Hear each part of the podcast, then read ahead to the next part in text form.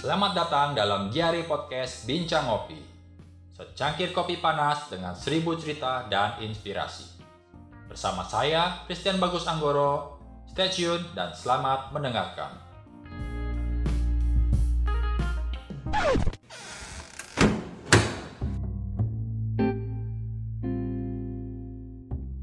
Halo kawan-kawan, sobat bincang ngopi, ketemu lagi dengan saya, Christian Bagus di sini. Dalam kesempatan malam ini saya lagi duduk di bengkel. Nama bengkelnya itu Pro Tuner. Duduk di depan saya itu foundernya langsung. Tolong kenalkan namanya. Halo, selamat malam. Nama saya Ketut. Secara lengkapnya sih Athanasius Ketut Hargunanto.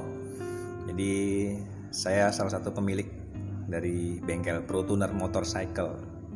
Nah ini nih malam ini suasananya asik. Banyak banget nih jajar-jajar motor-motor. Dari mulai cc kecil sampai cc besar dari motor antik sampai motor yang paling super idealis banget nih ada semua di sini. Jadi malam ini perfect banget. Untuk pembukaan pembicaraan malam ini kita mau tanya-tanya nih sama langsung foundernya Tut, nama Pro Tuner itu arti dari Pro Tuner itu kepanjangannya apa tuh? Jadi Pro Tuner itu sebenarnya awal berdirinya tuh di awal tahun 2009 karena dulu kita banyak berkecimpung di balap dan konsumen rata-rata itu adalah pengguna motorsport. Jadi kita mengkhususkan untuk tuning atau nyeting. Jadi nama Pro Tuner itu singkatan dari profesional tu- tuner sebenarnya. Tuner itu udah dalam arti tuner untuk motor. Jadi disingkatnya jadi Pro Tuner. Tuner. Wih keren banget ya. Jadi lebih gampang ya kita nyebut kalau kita mau setting motor ingat tuh selalu pasti Pro Tuner. Pro Tuner. Jadi kalau panjang banget kita nyebutnya saya mau nyeting motor nih motor saya rusak nyebutin dengan panjang-panjang itu kan nggak ekonomis ya jadi gampang lah Pro Tuner. Jadi saya dulu berpikir gini. Memang bener ada benernya ketika kita ngobrol kayak gini. Jadi kita harus punya nama yang orang-orang tuh gampang mengucapkan dan gampang Betul. diingat dan juga nama itu menjual. Ya betul. Jadi saya kalau kemarin tuh membuat produk ataupun usaha banyakan penyebutannya dalam tiga suku kata pro tuner. Nah, Nah, itu. saya nggak mau lewat dari angka itu. ya Apa dari dari tiga tiga ini tiga hafalan itu. Jadi kalau lewat dari tiga itu pasti orang terlalu lama. terlalu ya. Jadi nggak bisa disebut dengan banyak kata ya. Gampang ya. Heeh. Jadi tiga maksimal. Iya. Sebuah nama itu brand itu branding itu penting banget terhadap suatu usaha. Betul. Nah ini Pro Tuner sendiri tuh kalau boleh aku tahu berdiri dari tahun berapa tuh? 2009. 2009 ya. 2009 awal. Itu terciptanya di Bali atau memang di, Bali. luar Bali? Di luar Bali ya. di Bali. Jadi pertama kali 2009 itu karena kita dekat dengan komunitas Dragstar Boys DSB. Mhm. Jadi dulu pertama kali kita bengkel kita berdiri itu yang meramaikan itu adalah anak-anak DSB. Mhm. Nah, jadi kita punya ikatan emosional sendiri sebenarnya dengan komunitas Dragstar Boys itu. Itu kepanjangan dari DSB itu ya Dragster Boys itu. Dragstar ya? Boys ya. Oke. Jadi komunitas itu identik dengan anggotanya yang suka dengan kecepatan, atau speed freak. Sampai sekarang pun juga aku lihat Pro Tunernya masih tetap fokus ya sama kecepatan ya. Ya sebenarnya sih kita dulu dari 2009 fokus sampai akhirnya di 2017 kita sempat beralih ke custom karena dunia custom waktu itu lagi naik banget tuh. Mhm. Jadi kita cepat cepat beralih dan ketika masa pandemik ini Mhm. custom tuh hancur banget. Iya. Jadi orang untuk spending duit di atas 10 juta tuh berat Udah banget sekarang. berat ya. Jadi kita balik lagi Ke custom ke engine ya customnya. ke setting lagi. settingan lagi. Iya Gitu. sih. Di sini ada dyno test juga, ada peralatannya lengkap. Jadi kalau kita yang punya motor, kalau kita sayang sama motor kita, kalian mau konsultasi kalian mau tanya-tanya tentang body tentang engine itu bisa langsung ke ketut Boleh, boleh, boleh. ya nggak tut ya Kita membuka ruang untuk berdiskusi dulu. ya Jadi sebelum datang boleh ber- berdiskusi dulu. Tapi alangkah baiknya kalau memang punya waktu bisa datang kita berdiskusi lebih maksimal. kayak dokter tuh ya Iya. harus daftar sama. dulu nggak Nggak, nggak perlu daftar. Cukup kita bikin janji, kita bisa ngobrol. ya untuk ya, untuk apa. untuk pembahasan nih jadi nanti kalau teman-teman yang memang ma- ingin tahu lebih lanjut soal apa sih Pro Tuner itu mungkin bisa googling bisa cek IG-nya atau Facebook-nya ya guys ya. Jadi kalian bisa langsung kontak ketut untuk tanya-tanya seputar motor kalian. Nah ini tut. Karena aku lihat nih ada motor nih keren nih yang mencuri perhatian nih. Ada satu motor Aprilia. Ini Aprilia tipe berapa nih tut? Ini Aprilia seri RS125. Cuman ini yang keluaran seri terakhir. Jadi ini bukan yang versi racing racing replika ya. Mhm. Dilihat Ini masih menggunakan karbu Del Orto 28 dan bukan racing replika lah. Ini lebih ke penggunaan daily use. daily use ya. Oh, jadi motor ini datang dalam kondisi udah mati satu tahun. Mhm. Datang ke sini mati, sekarang udah nyala dan kita mau membangun untuk performanya. Ya. Jadi performanya akan kita tingkatkan tapi tanpa ngotak-ngatik mesin. Jadi kita hanya fokus ganti knalpot sama set ganti karbu aja. Ya. Karena kita nggak mau pakai karbu bawaan yang Del Orto, Del Orto karena untuk cari spuyernya di sini susah, banget. ya. Jadi kita akan menggunakan melokalkan Mhm. Aprilia ini dan nanti nanti sebelum dan sesudahnya kita akan tes di dyno, Dyno peningkatan test. powernya berapa, naik apa enggak. Heeh. Sama tadi kamu cepat cerita itu ya mau rubah untuk exhaust. Ya, kita mau bikin knalpot baru untuk ini. Jadi sebelumnya saya punya sahabat, dia sebelum pernah bekerja di Aprilia Racing dulu. Mhm.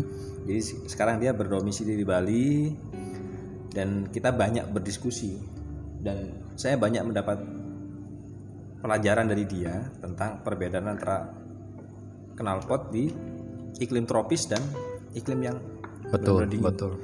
Tuh ternyata memang Aprilia tuh dengan desain knalpot yang besar itu memang untuk wilayah yang dingin seperti di Eropa sana. Ya, di Itali khususnya. Oh, jadi kalau masuk ke sini memang perlu yang perutnya yang lebih kecil, Perubahan lagi. bevelnya lebih kecil, jadi torsinya lebih dapat dan bentang bentangan powernya tuh lebih merata dari bawah sampai ke atas. Tuh, pentingnya ya, kita harus paham banget. Jadi kalau kita cuma bisa beli motor, terus kita nggak paham seluk-beluk motor itu seperti apa, itu bisa berpengaruh banget loh sama speednya. Jadi penting banget tuh. Kalau kita mau setting ulang lagi motor apa pun, kita bisa harus setting dulu, biar kita menyesuaikan sama suhu iklim yang ada di Indonesia. Wah keren juga ya Tut ya. Ini by the way cerita dulu Ketut itu di Jakarta lama banget.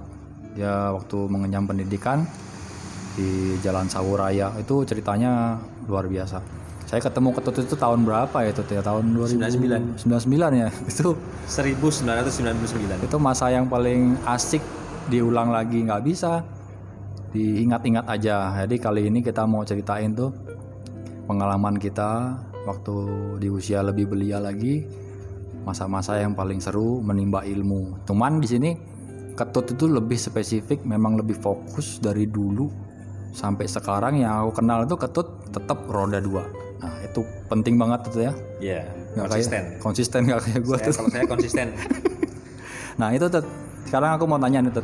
Kenapa harus motor roda dua itu otomotif kan ada roda empat? Jadi kadang-kadang ini masalah ini sih ya.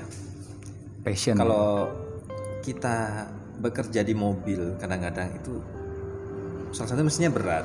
Mhm. Kadang-kadang mes itu tidak bisa kita kerjakan sendiri harus Iya. dengan tim. Mhm.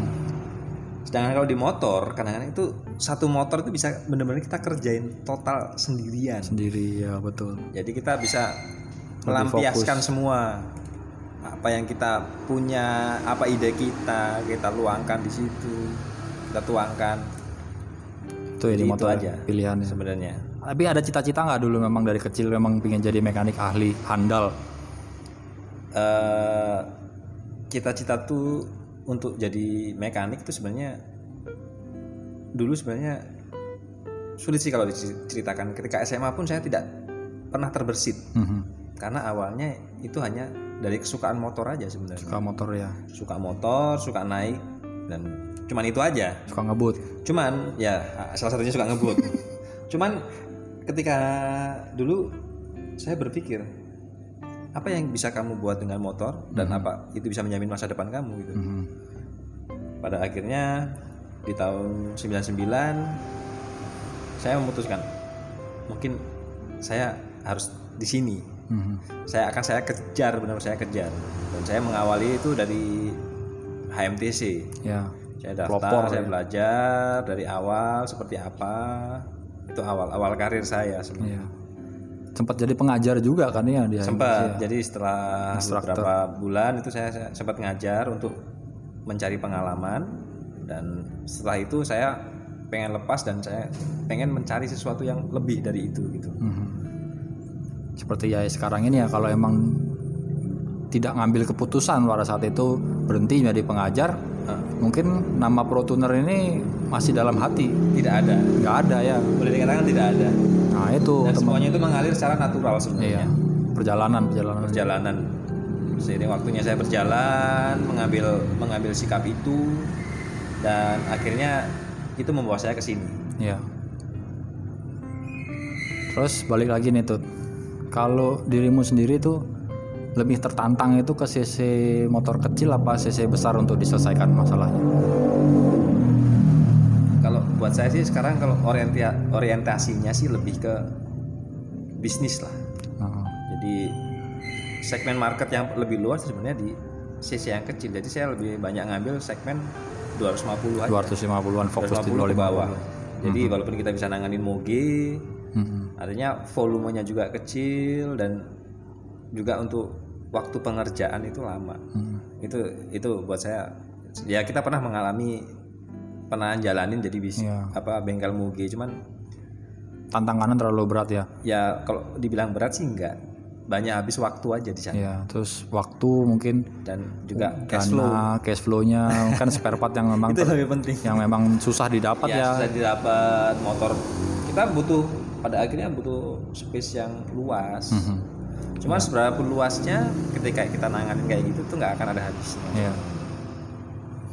Tuh dyno testnya juga sebenarnya ini dibuka untuk umum nggak dyno testnya? Untuk umum. Untuk umumnya jadi kalau orang-orang mau nyoba ke sini mau dyno test mau ngetes konsultasi dia bisa ya? Bisa, Bisa ya. Jadi kalau di sini kita juga memberikan garansi kalau misalnya ada orang datang, jadi kita bisa bisa remap mapping ECU Mhm. motor asli, tapi nggak semua motor. Ya. Misalnya kayak R25, Ninja, terus IR6 itu kita bisa remap. Kita remap ECU-nya. Jadi kita bisa ngasih garansi di situ. Jadi sebelum kita remap bisa dites dulu di dyno. Jadi ketika kita masukkan data, kita tuning itu naik nggak powernya. Kalau emang nggak naik ya kita ya yes free. Iya.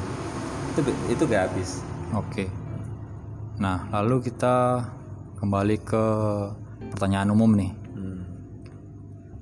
Sedihnya atau bahagianya jadi mekanik itu apa sih tuh?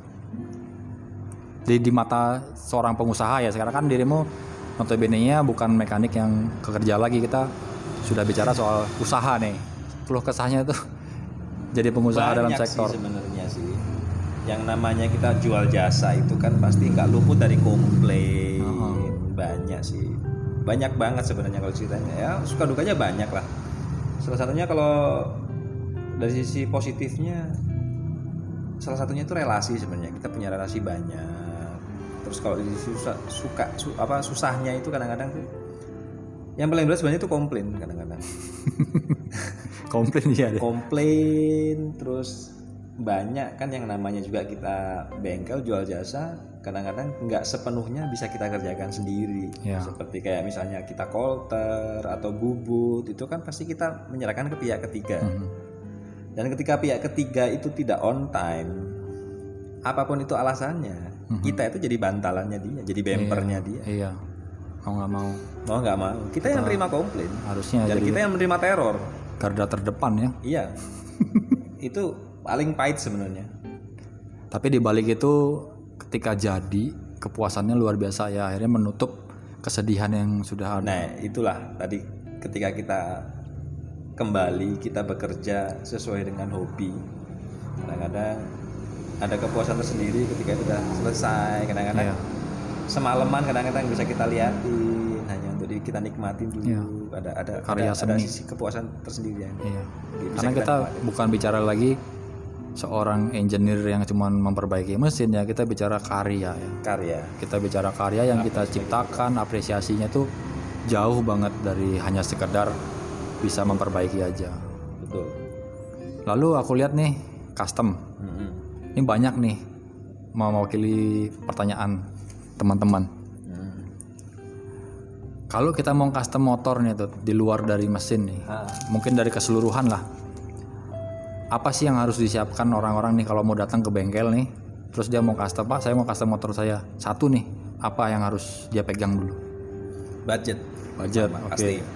Menyesuaikan yang ya. kedua itu adalah konsep. Konsep. Konsep dan basic motor yang akan dia bangun. Dia bangun. dan biasanya kita selalu berdiskusi dulu. Apa yang kamu pengen bi- bikin part apa yang akan kamu pakai. Dan biasanya kita akan membuat kuotasi dan gambar render. Mhm. 3D ya. ya, nggak nggak 3D sih. Satu 2D cukup. Jadi misalnya pelek pakai apa ban pakai apa absidon pakai apa. Kita bikin kuotasi di situ. Jadi itu awal agreement pertama. Ketika dia setuju oke. Dan untuk rule di Pro Tuner untuk saat ini ada pembayaran pertama 60% Mhm. dan selanjutnya nanti ketika udah pengerjaan udah 80% ada pembayaran lagi, Pembayaran lagi. sisanya Sisanya dan tinggal deal. finishing itu bagus dalam segi manajemen dalam segi uh, keuangan cash flow sebuah usaha itu penting ya memang DP itu teman-teman kalau kalian mau buat motor yang ganteng itu nggak cuman motor yang bagus. Kalau nggak mau proses ribet nggak mau nunggu lama ngantri mendingan beli jadi. Betul. Itu ada harganya lagi ya. Kalau mau mengikuti alur yang kalian mau yang kita mau cita-citanya pengen mempunyai motor scramble atau mau cafe racer ya pengerjaannya ya lumayan.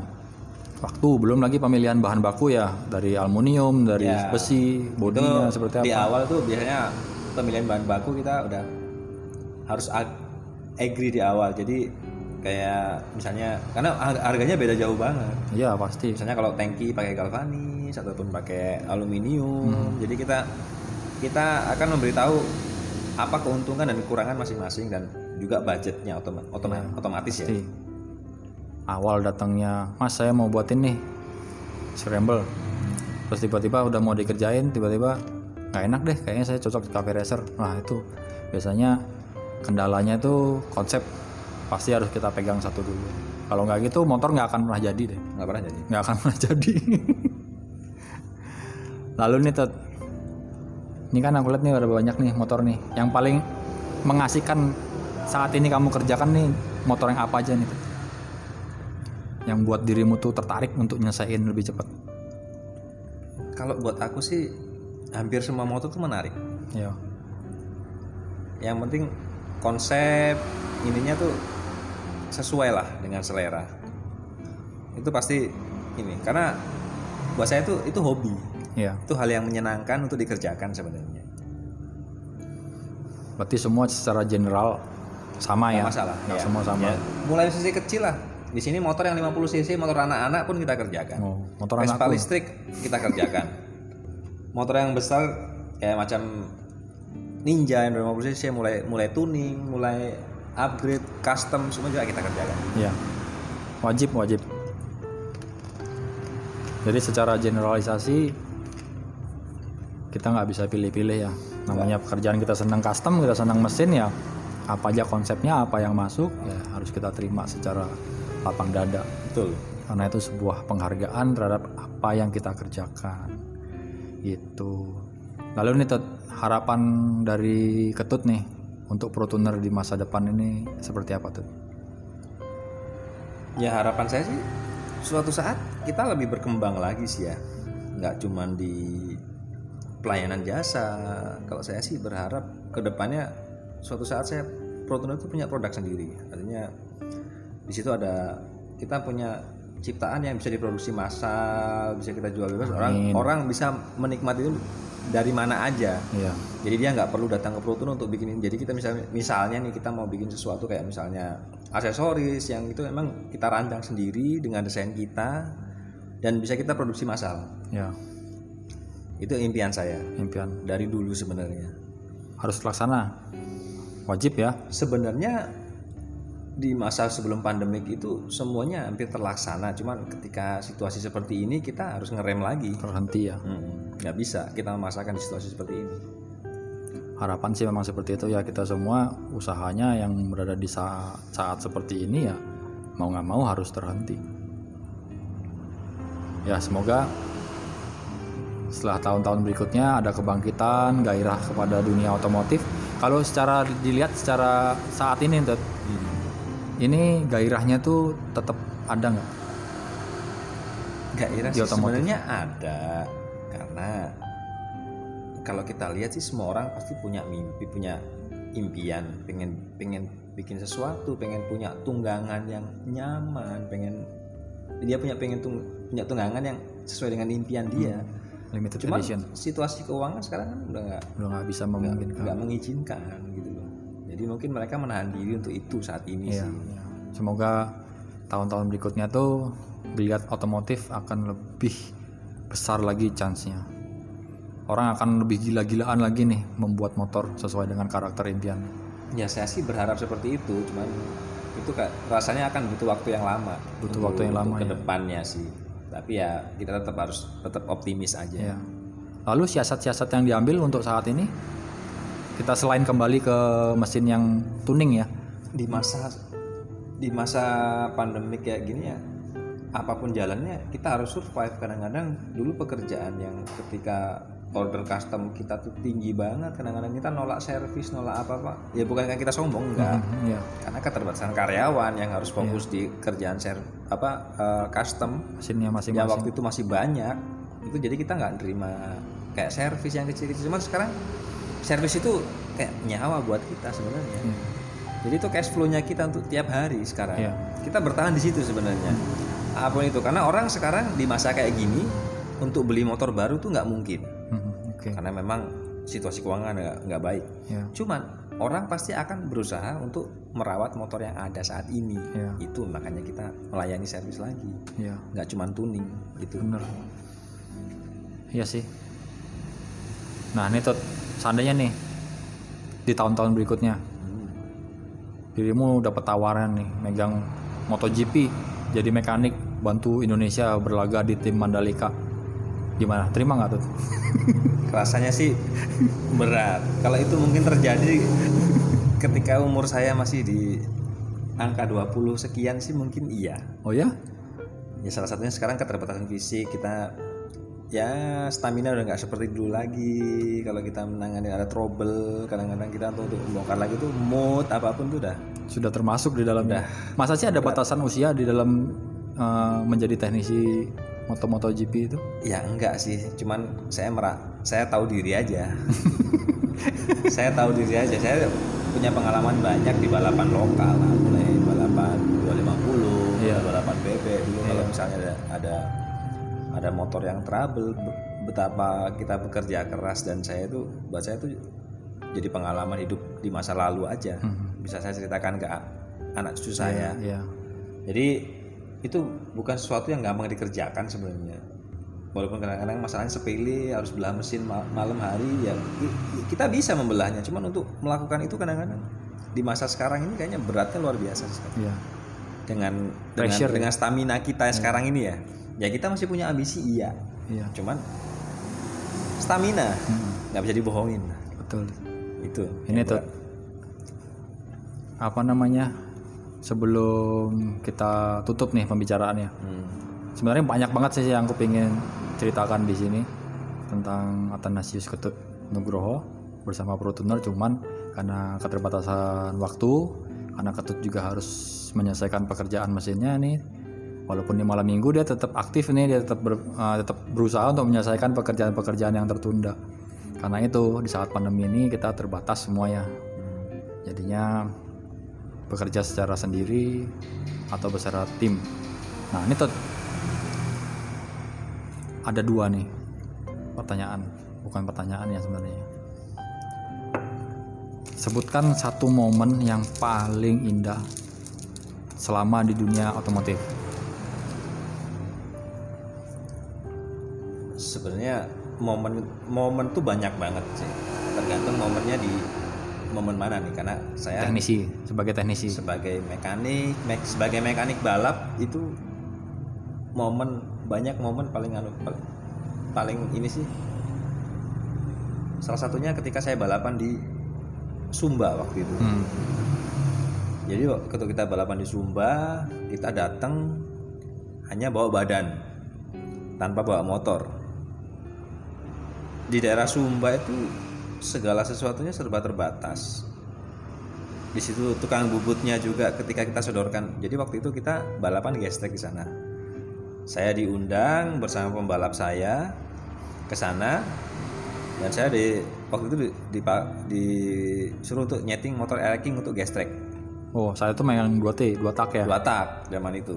Jadi kita nyeting ala kadarnya. Jadi saya ke sana hanya bawa alat untuk morting dan alat ukur aja nggak. Terus bawa sepuyer aja. Jadi kita balapan ap- apa adanya. Jadi saya morting blok di sana. Dan waktu itu yang saya bikin bingung saya bawa kop nyari tukang bubut. Mhm.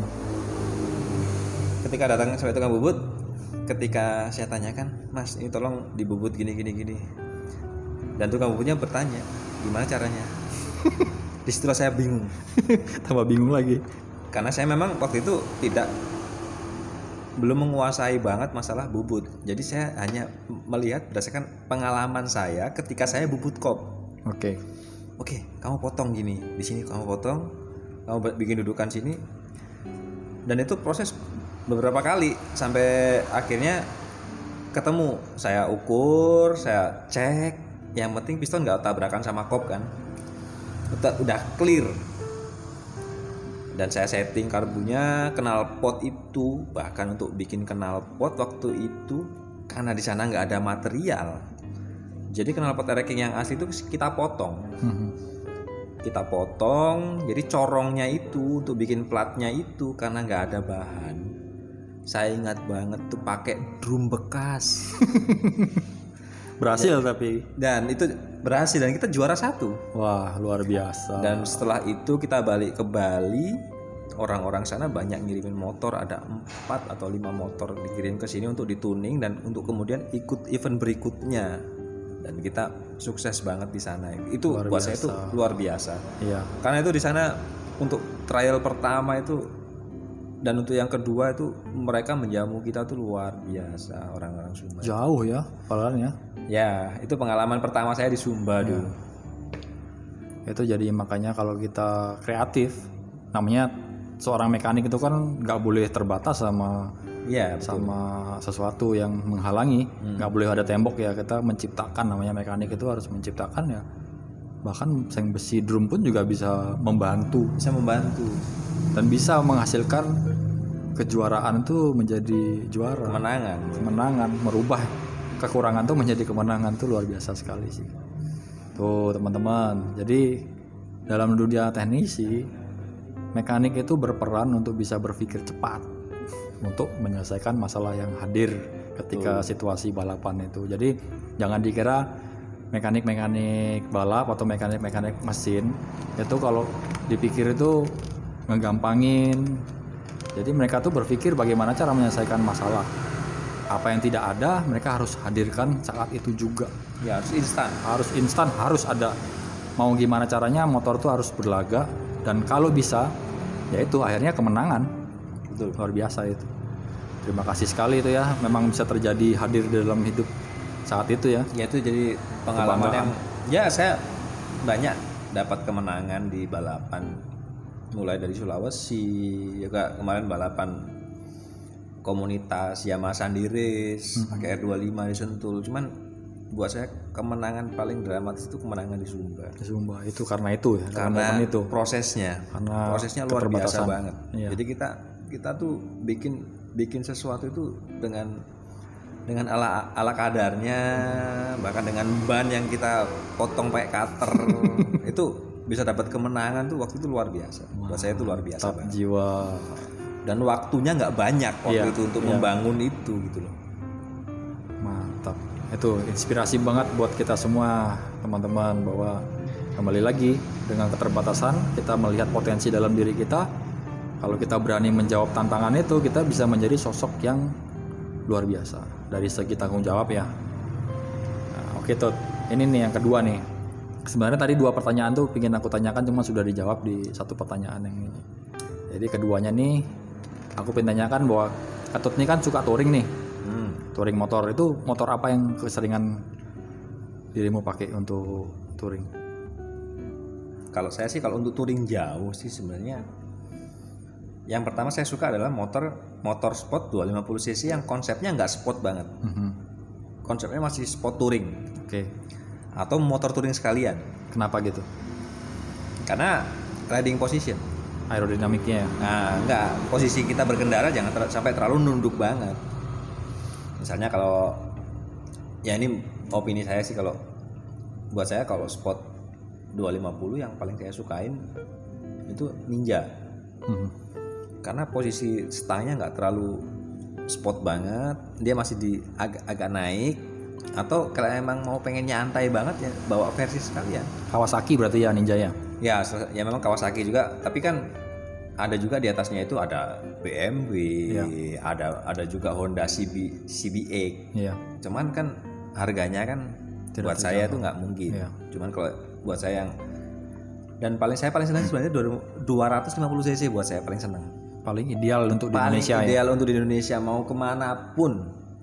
Artinya gini loh kalau kamu naik motor 250 cc kadang-kadang kamu tuh bisa ngekspor powernya tuh sampai limit. Hmm, oke. Enggak seperti kamu naik moge ya. Kita naik moge 650 cc ya kita bisa. Di mana Cuman dulu ya? sampai kapan? Ya. Sam- kapan sampai kamu mencapai dia Top limit? ya. kadang-kadang kita tuh sebagai biker kalau engine belum dapat limit tuh kayaknya belum ada kelegaan puasa. di hati gitu. Benar benar Jadi kalau kita naik 250 cc mau pecicilan mau apa itu kita bisa nge-explore dia sampai limit ya. Ya ini mo- mo- motornya ya kita Motor. benar-benar kita paksa kita nikmatin gitu loh. Bukan hanya sekedar kita satu dua tutup Oh. gas satu dua tutup gas tuh buat saya tuh itu bukan berkendara sebenarnya. kebanyakan engine brake dong jadinya Hah? iya, buka tutup buka tutup buka tutup selesai. Buat apa? Di mana saya bisa denger mesin teriak dan Iya, di mana limitnya? betul itu nah kalau soal touring itu udah explore ke mana aja tuh Indonesian beyond of Indonesian Kalau ke daerah barat sih saya masih seputaran Jawa Timur aja. Cuman kalau sampai ke timur sih sampai ke Sape, sampai ke Sape sudah berapa kali ada tiga kali. saya kalau ngekspor sampai ke Papua aja ya Untuk saat ini belum, Jaya? belum ya karena masalah waktu dan tentu saya kembali ke budget lagi. kalau ada sponsor nih besok tiba-tiba ada sponsor nih harus berangkat gimana Full throttle. berangkat. Gaspol. Wah enak ya sebagai penikmat motor. Kepuasannya luar biasa. Kebahagiaan sih dari bongkar bongkar pasang ya bukan cuma bongkar aja. Terus merakit mendesain catnya terus kita sendiri yang mengendarai ke mana pun kita pergi itu kebahagiaannya luar biasa ya nah sempat aku juga lihat dirimu main di motocross Ya betul. itu sempat ada kulihat ada beberapa foto dirimu lagi berlaga dengan motor apa itu tuh yang keseringan kamu pakai itu Banyakan kalik 230. KLX ya memang dari segi KLX itu dari segi apa yang bisa dilihat orang ini bukan dari segi tren ya tuh ya tapi dari segi manuver dari segi body Dari saya dari sisi sekarang sa- saya sendiri sih sebenarnya kalau saya sih penyuka motor build up sebenarnya macam Husqvarna ataupun Yamaha YC ataupun KX budget budget yang itu. Emang- tapi kembali ke budget. Untuk saat ini saya lebih tertarik ke ini karena terjangkau. Terjangkau. Yang penting fun ya. Fun. Kita harus bahagia. Jadi jangan bahagia itu jangan dibatasi sama budget. Kalau ada KLX why not? Yang penting kan happy. Ya sekarang kamu sekarang masuk single track dan kamu ter- terjebak di situ di situ kamu ada tanjakan yang sulit banget untuk kamu lalui. Kadang-kadang ket- ketika kamu bawa motor yang terlalu mewah misalnya kayak Husky ketika ada sesuatu yang kamu harus ngelemparin motor itu wih beban psikisnya tuh luar biasa sebenarnya. Hmm. cuman kalau kamu bawa KLX kamu lemparin ya lemparin aja. Karena buat saya nyawa saya tetap lebih berharga. Lebih mahal lebih berharga ya dong. Dan untuk masalah motor berikutnya jangan jadi untuk bemper. cari pra- perawatan untuk KLX mudah. Gampang banget. Mudah. Dari segi spare part? Spare part gampang oli? kayaknya. olinya mungkin ada yang Olinya nggak spesifik? ada. nggak ada yang spesifik? Kecuali kalau emang udah kita habis habis-habisan saya pasti pakai oli yang bagus. Iya. Mungkin ada rekomendasi itu?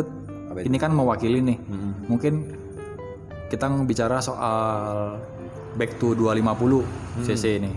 Itu ideal kalau hari-harian itu kita pakai semi speed lah. Kita nggak bisa ngomong kita ngebut sampai full speed. Untuk hari-harian tuh ada oli rekomendasi apa tuh yang bagus tuh untuk teman-teman tuh? Untuk yang medium untuk kelas medium tuh pemainnya ada Liquimoli yang street satu. Atau di level berikutnya itu ada Moto 5100 Mhm. itu yang saya rekomendasikan untuk 250 yang memang settingan harian. Oke kalau untuk yang settingan little bit up kayak bangsanya di bore up apa-apa kita bisa ke li- Liquimoli yang street race atau pakai bisa juga pakai motul yang se apa namanya 7100 oke. Juga ada di kelas medium juga ada ada sel ada sel ultra. Itu cukup lah dengan itu harga. apa istimewanya mungkin buat kopling nggak slip atau nggak lebih panas ya sesuai dengan spek itu Sesuai karena dengan spek. kalau kita upgrade pasti kan limit RPM bergeser Banyak, lebih tinggi, dia lebih, butuh lebih kelebihan. teriak Ya. jadi di situ butuh oli dengan kualitas yang lebih bagus Hmm. Oke itu. Ini kita bicara fenomena yang terjadi belakangan ini nih, setahun belakangan atau dua tahun belakangan ini. Poli- ada aturan Hmm. yang tidak boleh menggunakan knalpot dengan suara besar nih. itu sebenarnya gini aturannya yang penting pertama jelas dulu. Pertama harus ditetapkan. Oke, berapa batasan kebisingan? Desibelnya. jadi kita har- harus punya standarisasi misalnya untuk kelas 250 cc maksimum misalnya 98 desibel. Oke. dan petugas pun harus dibekali dengan alat Peralatan. ukur Oke. jangan serta merta menilang ya. hanya karena berdasarkan bising bising itu terukur dan berikutnya juga yang harus ada standarnya adalah metodenya mengukur Ya. berapa jarak alat dari posisi silencer posisi posisi ngukurnya di mana Oke. range-nya misalnya 60 cm dari lubang silencer jadi di situ terus ngukurnya di mana misalnya posisi stasioner.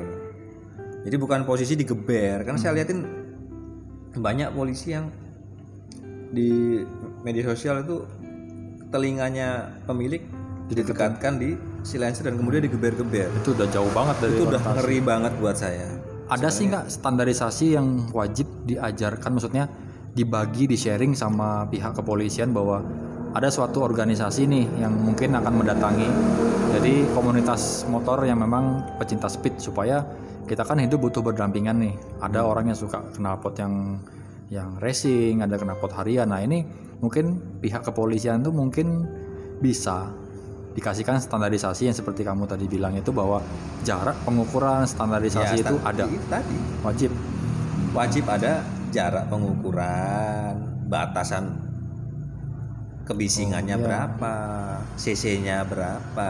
Iya. Itu, itu yang penting sebenarnya. sama pengguna ya pengguna Ya. motor itu penting banget kita tahu banget kapan sih kita harus belajar motor kita jangan sampai di depan ada cewek cantik terus tiba-tiba kita adrenalinnya naik pingin kenalan tapi geber-geber motor kan paling enggak say hi lah ya ya itu kembali ke attitude aja Iya, itu semua tuh attitude, Bro.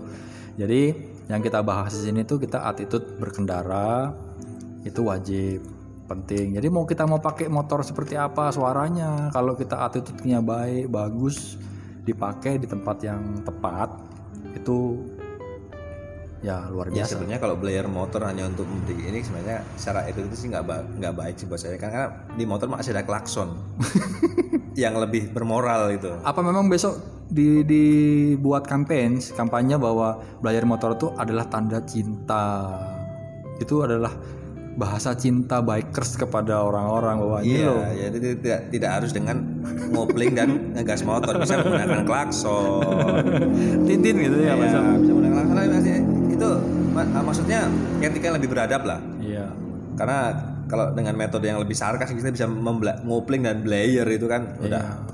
Karena kita nggak bisa menyalahkan yang nyeting, kita nggak bisa menyalahkan yang jual exhaust knalpot juga kan. nggak bisa. Karena emang itu produk, itu produk juga ada ciptaan dalam negeri yang harus diapresiasi. Kalau sampai peraturan-peraturan itu terjadi membatasi kreativitas, akhirnya ya semua kembali ke zaman batu lagi. Akhirnya kita attitude itu penting banget. Attitude berkendara betul. Iya. Nah ini Tot, sebagai penutup nih Tot. Ada nggak tips buat teman-teman nih, mungkin yang dengar ini bikers, mungkin orang umum atau ya orang yang masih pingin mempunyai impian membeli suatu motor, mungkin dirimu bisa kasih tips nih dalam dalam segi mesin sama custom dalam dunia perbengkelan lah. Kalau untuk tips misalnya mau beli motor baru, itu sebenarnya ya susah susah gampang sebenarnya. Kadang-kadang kadang-kadang sekarang pedagang juga tricky kan. Misalnya kondisi mesin memang udah parah, bisa dimasukin pakai oli yang viskositasnya lebih kental. Hmm. Jadi triknya salah satunya adalah ketika kita mau ngeliat motor secara penampilan fisik tidak ada kebocoran oli yang pertama. Ya. Ya, yang kedua cek dua dua ban belakang itu kalau kita standar tengah misalnya itu masih simetris apa enggak. Terus habis itu misalnya ini paling gampang tuh liatin knalpot berasap apa enggak. Oke. Itu seperti itu contohnya lah. Terus level oli level oilnya juga kalau misalnya olinya gampang dicek itu kadang-kadang ada alat untuk mengukur level ketinggian oli bisa dicek, dibuka untuk dicek ke tingkat kekentalan olinya. Ya. Salah satu. Ada lagi? Ya, itu yang paling gampang sih. yang paling standar paling mudah ya biasanya orang mau nyari motor Terus ya penampilan fisik seperti cek oli shock breaker, cek, terus habis itu stang, ada bekas tanda jatuh apa enggak. Iya. gitu kan. Basicnya semua kembali ke nyaman kenyamanan ya. Oke itu teman-teman. Sebuah tips dari Ketut founder dari Pro Tuner sebagai penutup pembicaraan malam ini kita akan sudahi sampai di sini. Di dalam tema berikutnya mungkin saya akan hadirkan narasumber-narasumber lain yang berkecimpung di dunia otomotif. Lebih detail lagi. Terima kasih teman-teman. Bincang ngopi yang sudah stay tune malam ini berbincang-bincang dengan Ketut sudah capek-capek mendengarkan. Salam damai buat semua tetap sehat selalu. Saya Christian Bagus Anggoro. Dan saya Ketut dari Pro Tuner Motorcycle. Mengucapkan selamat terima malam. kasih dan selamat malam. sampai jumpa. See you guys